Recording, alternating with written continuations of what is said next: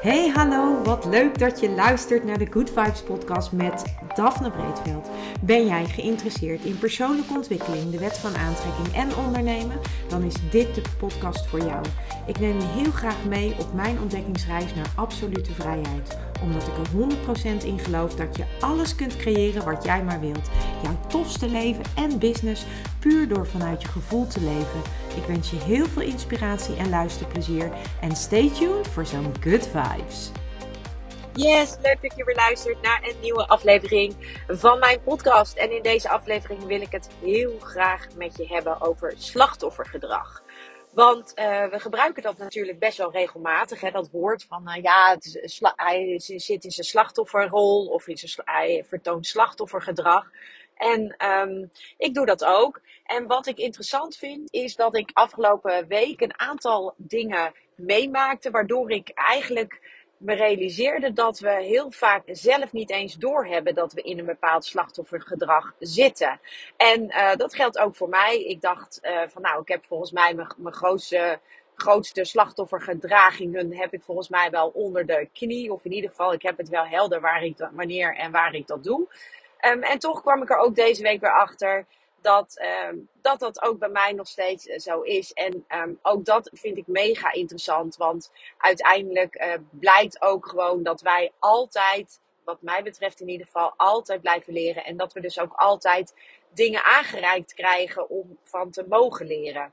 En dat is dus ook wat ik afgelopen week um, me realiseerde. Dat ik dacht, oh ja, er zit toch nog wel het een en het ander. En ik kan je eerlijk zeggen, ik ben daar natuurlijk heel bewust mee bezig. En um, ja, dat vind ik ook super leuk om te doen. Maar ik realiseerde me ook dat zelfs als je er dus heel bewust mee bezig bent, dat je dan dus nog steeds ook, uh, ook zelf uh, toch af en toe in zo'n slachtofferrol stapt of in slachtoffergedrag. En ik noemde net al eventjes dat daar ook een connectie zit met de Nine Star Key. En de Nine Keys zijn natuurlijk, is natuurlijk jouw karakteranalyse op basis van uh, de elementen, de vijf elementen leer. En dat is weer gebaseerd op de traditionele Chinese geneeskunde. Of uh, Traditional Chinese Medicine, om het even mooi te zeggen, de TCM. En die vijf elementen, die, die hebben dus een bepaalde invloed op jou. Um, of eigenlijk is het zo dat jij um, uit een aantal elementen bestaat, om het maar zo te zeggen. En dat heeft vooral te maken met jouw geboortedatum natuurlijk. Op basis van je geboortedatum kun je jouw eigen Nine Star Key berekenen. En op het moment dat jij je Nine Star Key weet, dan kun je ook zien welke elementen jij van nature hebt en welke elementen jij uh, niet hebt. Dus eigenlijk mist. En op het moment dat je dat weet, dan kun je ook, uh, kun je ook kijken van hey, waar uh, heb ik dat in het leven geleerd? Ergens, die elementen, de competenties die bij de elementen horen die ik mis. Of um, heb ik dat nog niet geleerd en mag ik dat gaan leren? En nou ja, vanuit jouw Star Key kan ik heel veel halen. En uiteindelijk um, is er in de Star Key ook een zijn er ook drie verschillende elementen. En als je deze podcast luistert, dan weet je dat. Je hebt een eerste element, een tweede element en een derde element. En het eerste element, uh, dat staat eigenlijk voor um, wie, uh, wie jij eigenlijk uh, bent op het moment dat jij volwassen bent. Dus uiteindelijk besta je natuurlijk uit alle drie de elementen, maar die, die, dat eerste element, dat noem je jouw volwassen element. En dat gaat over wat jij hier te doen hebt. Dat gaat over wie jij bent en waarvoor jij hier bent. Dat is dat volwassen element. Het tweede element, dat gaat over jouw denken en jouw voelen. En dat tweede element, dat is het element waar je tot ongeveer je achttiende levensjaar in zit. In dat tweede element, in dat kindelement noemen wij dat ook wel. Dus het eerste element is je volwassen element. Het tweede element is je kindelement. En uh, het derde element, dat is het element dat gaat over uh, jouw handelen. Dus hoe handel jij nou? En uh, hoe kom jij over op de buitenwereld? Dus jouw eerste indruk die jij maakt op andere mensen. Dat is ook jouw derde element. En wat gebeurt er nou met slachtoffergedrag? Of als jij in de slachtofferrol stapt? Nou, als jij, in de, in, als jij slachtoffergedrag vertoont. En uh, ja, hoe herken je dat? Dat herken je vaak aan dat je het gevoel hebt dat uh, jou iets wordt aangedaan. Dat jij, uh, ja, dat, dat jij eigenlijk het slachtoffer bent van een bepaalde situatie. En um, dat wil niet zeggen dat je niet werkelijk slachtoffer kunt zijn van een bepaalde situatie. Dus stel jij, uh, jij krijgt een, uh, een fietsongeluk, dan, uh, en dat is niet jouw schuld, dan ben jij natuurlijk slachtoffer in dat fietsongeluk. Maar wat ik dan met slachtoffergedrag bedoel, is dat je je gedraagt als slachtoffer. En dat je dus, uh, dat de vraag dan is, ben je ook werkelijk het slachtoffer? Dus ik heb het niet over situaties waarin jij echt slachtoffer bent van de situatie, zoals het voorbeeld dat ik net gaf. Maar ik heb het echt over gedrag dat je vertoont, uh, waardoor we zeg maar soort waardoor jij jezelf zielig vindt of waardoor jij medelijden met jezelf hebt. En dat dus ook door dat gedrag te gaan vertonen, ook dat medelijden eigenlijk een soort van uh, gezien, dat je wil dat dat gezien wordt door andere mensen. En dan is het dus eigenlijk dat jij dingen buiten jezelf gaat leggen. Dat het dus nooit aan jou ligt, dat het altijd aan de ander ligt. Dat je het dus ook moeilijk vindt om naar jezelf te kijken. En dat je dus ook um, eigenlijk vanuit dat gedrag gaat handelen. Dus uh, als jij bijvoorbeeld verlaten bent uh, door je partner, dan, um, dan ben jij zielig, want, want, je partner heeft jou verlaten en nou, heb jij, uh, nou ben, jij, ben jij alleen. En, dan, en, en als jij dus heel erg in dat um, gedrag tussen haakjes blijft hangen, dan, dan noem ik dat slachtoffergedrag. Dus jij gedraagt je als een slachtoffer van de situatie. En op het moment dat jij je als slachtoffer gaat gedragen en dus in die slachtofferrol stapt. Dat doen we dus vaak onbewust. Dat hebben de meeste van ons hebben dat helemaal niet echt in de gaten. Maar als je dus uh, jezelf zielig vindt of medelijden met jezelf hebt, dan ben je eigenlijk dus in die slachtofferrol gestapt. En uh, nou, ik zal even een voor, voorbeeld geven. Afgelopen week um, waren er een aantal dingen die geregeld moesten worden. En uh, Maurice had er mij gevraagd van, joh Daf, kan jij er eens naar kijken? Nou, ik hou van regelen, dus over het algemeen heb ik daar helemaal geen enkele moeite mee. Behalve als het uh, gaat over uh, aanvragen of dingen waar ik heel veel extra informatie voor moet aanleveren. Of um, als het gaat om iets wat ik bijvoorbeeld zelf niet helemaal uh, in de vingers heb. Uh, zoals bijvoorbeeld de inkomstenbelastingaangifte, um, de, de, de IB. Dan, dan merk ik gewoon dat ik, ik raak daarvan tussen haakjes in de stress. Want ik vind, er, ik vind, en ik vind er dus ook uh, weinig aan om dat te doen. Terwijl er, je daar natuurlijk heel veel dingen voor bij elkaar moet zoeken. Maar dat, maar dat doe ik bijvoorbeeld ook voor mijn moeder. En voor mijn moeder vind ik het geen enkel probleem. Maar als ik het dan voor mezelf moet doen, en daar, daar komt dan heel veel bij. Want ik heb natuurlijk een um, eigen bedrijf. Dus ik heb te maken met BTW en met al die andere dingen. Nou goed, je hoort het al. Ik, ik vind dat dus gewoon niet zo heel erg leuk om te doen. Um, maar tegelijkertijd is het wel iets wat er gewoon bij hoort. En um, nou goed, ik kan dat natuurlijk ook uit handen geven. En dat heb ik ook wel gedaan. Maar nou ja, anyways, maakt even niet uit voor het voorbeeld. Maar uh, waar het dus om, uh, Maurice had dus mij gevraagd, die had iets doorgegeven aan mij, uh, gemaild. En die zei, wil jij hier eens even naar kijken? En misschien is het wel handig om, om dit te, te regelen. Nou goed, dus ik was daar al een keer aan begonnen. En ik merkte aan mezelf dat ik in een soort van stress stress schoot. En dat ik er, dat ik echt, ik merkte echt dat ik een soort blokkeerde. En ik had daar al best wel veel tijd aan besteed. Vervolgens gooide het systeem eruit en kon ik het niet nog een keer. Moest ik weer helemaal opnieuw beginnen. Nou, lang vrouw kort, het is niet mijn ding. En ik vind op zo'n moment mezelf dan dus heel zielig. Ik vind mezelf dan echt zielig. En dan stap ik dus ook op dat moment in de slachtofferrol. Dus wat doe ik dan? In dit geval. Ik, uh, ga, uh, ik word eigenlijk pissig.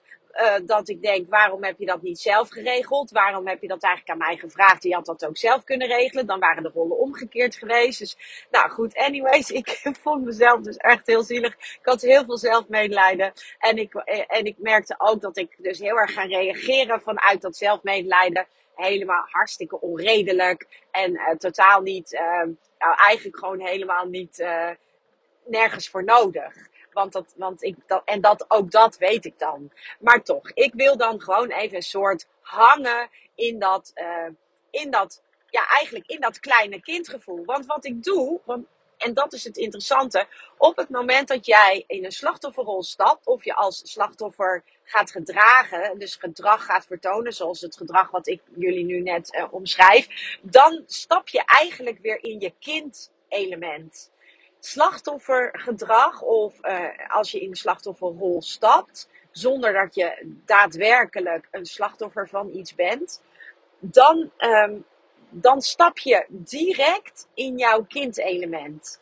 En normaaliter is het dan zo dat wij uh, dan vanuit het volwassen element gaan uh, handelen. Dus normaal koppel je dat door naar het volwassen element en dan handel je vanuit het volwassen element. Maar wat wij vaak doen, en uh, de meeste mensen die, die maken die koppeling automatisch, is dat wij dus niet naar ons volwassen gedrag gaan, dus het is niet dat wij vanuit, vanuit het slachtoffergedrag de overstap maken naar het volwassen gedrag. Nee, wat wij doen is, wij vinden onszelf zielig in zo, op zo'n moment. En we gaan dus ook ons zielig tussen haakjes gedragen. We gaan ons eigenlijk gedragen als een klein kind dat geen, geen uh, uitkiezen in de supermarkt. Even heel erg zwart-wit gezegd.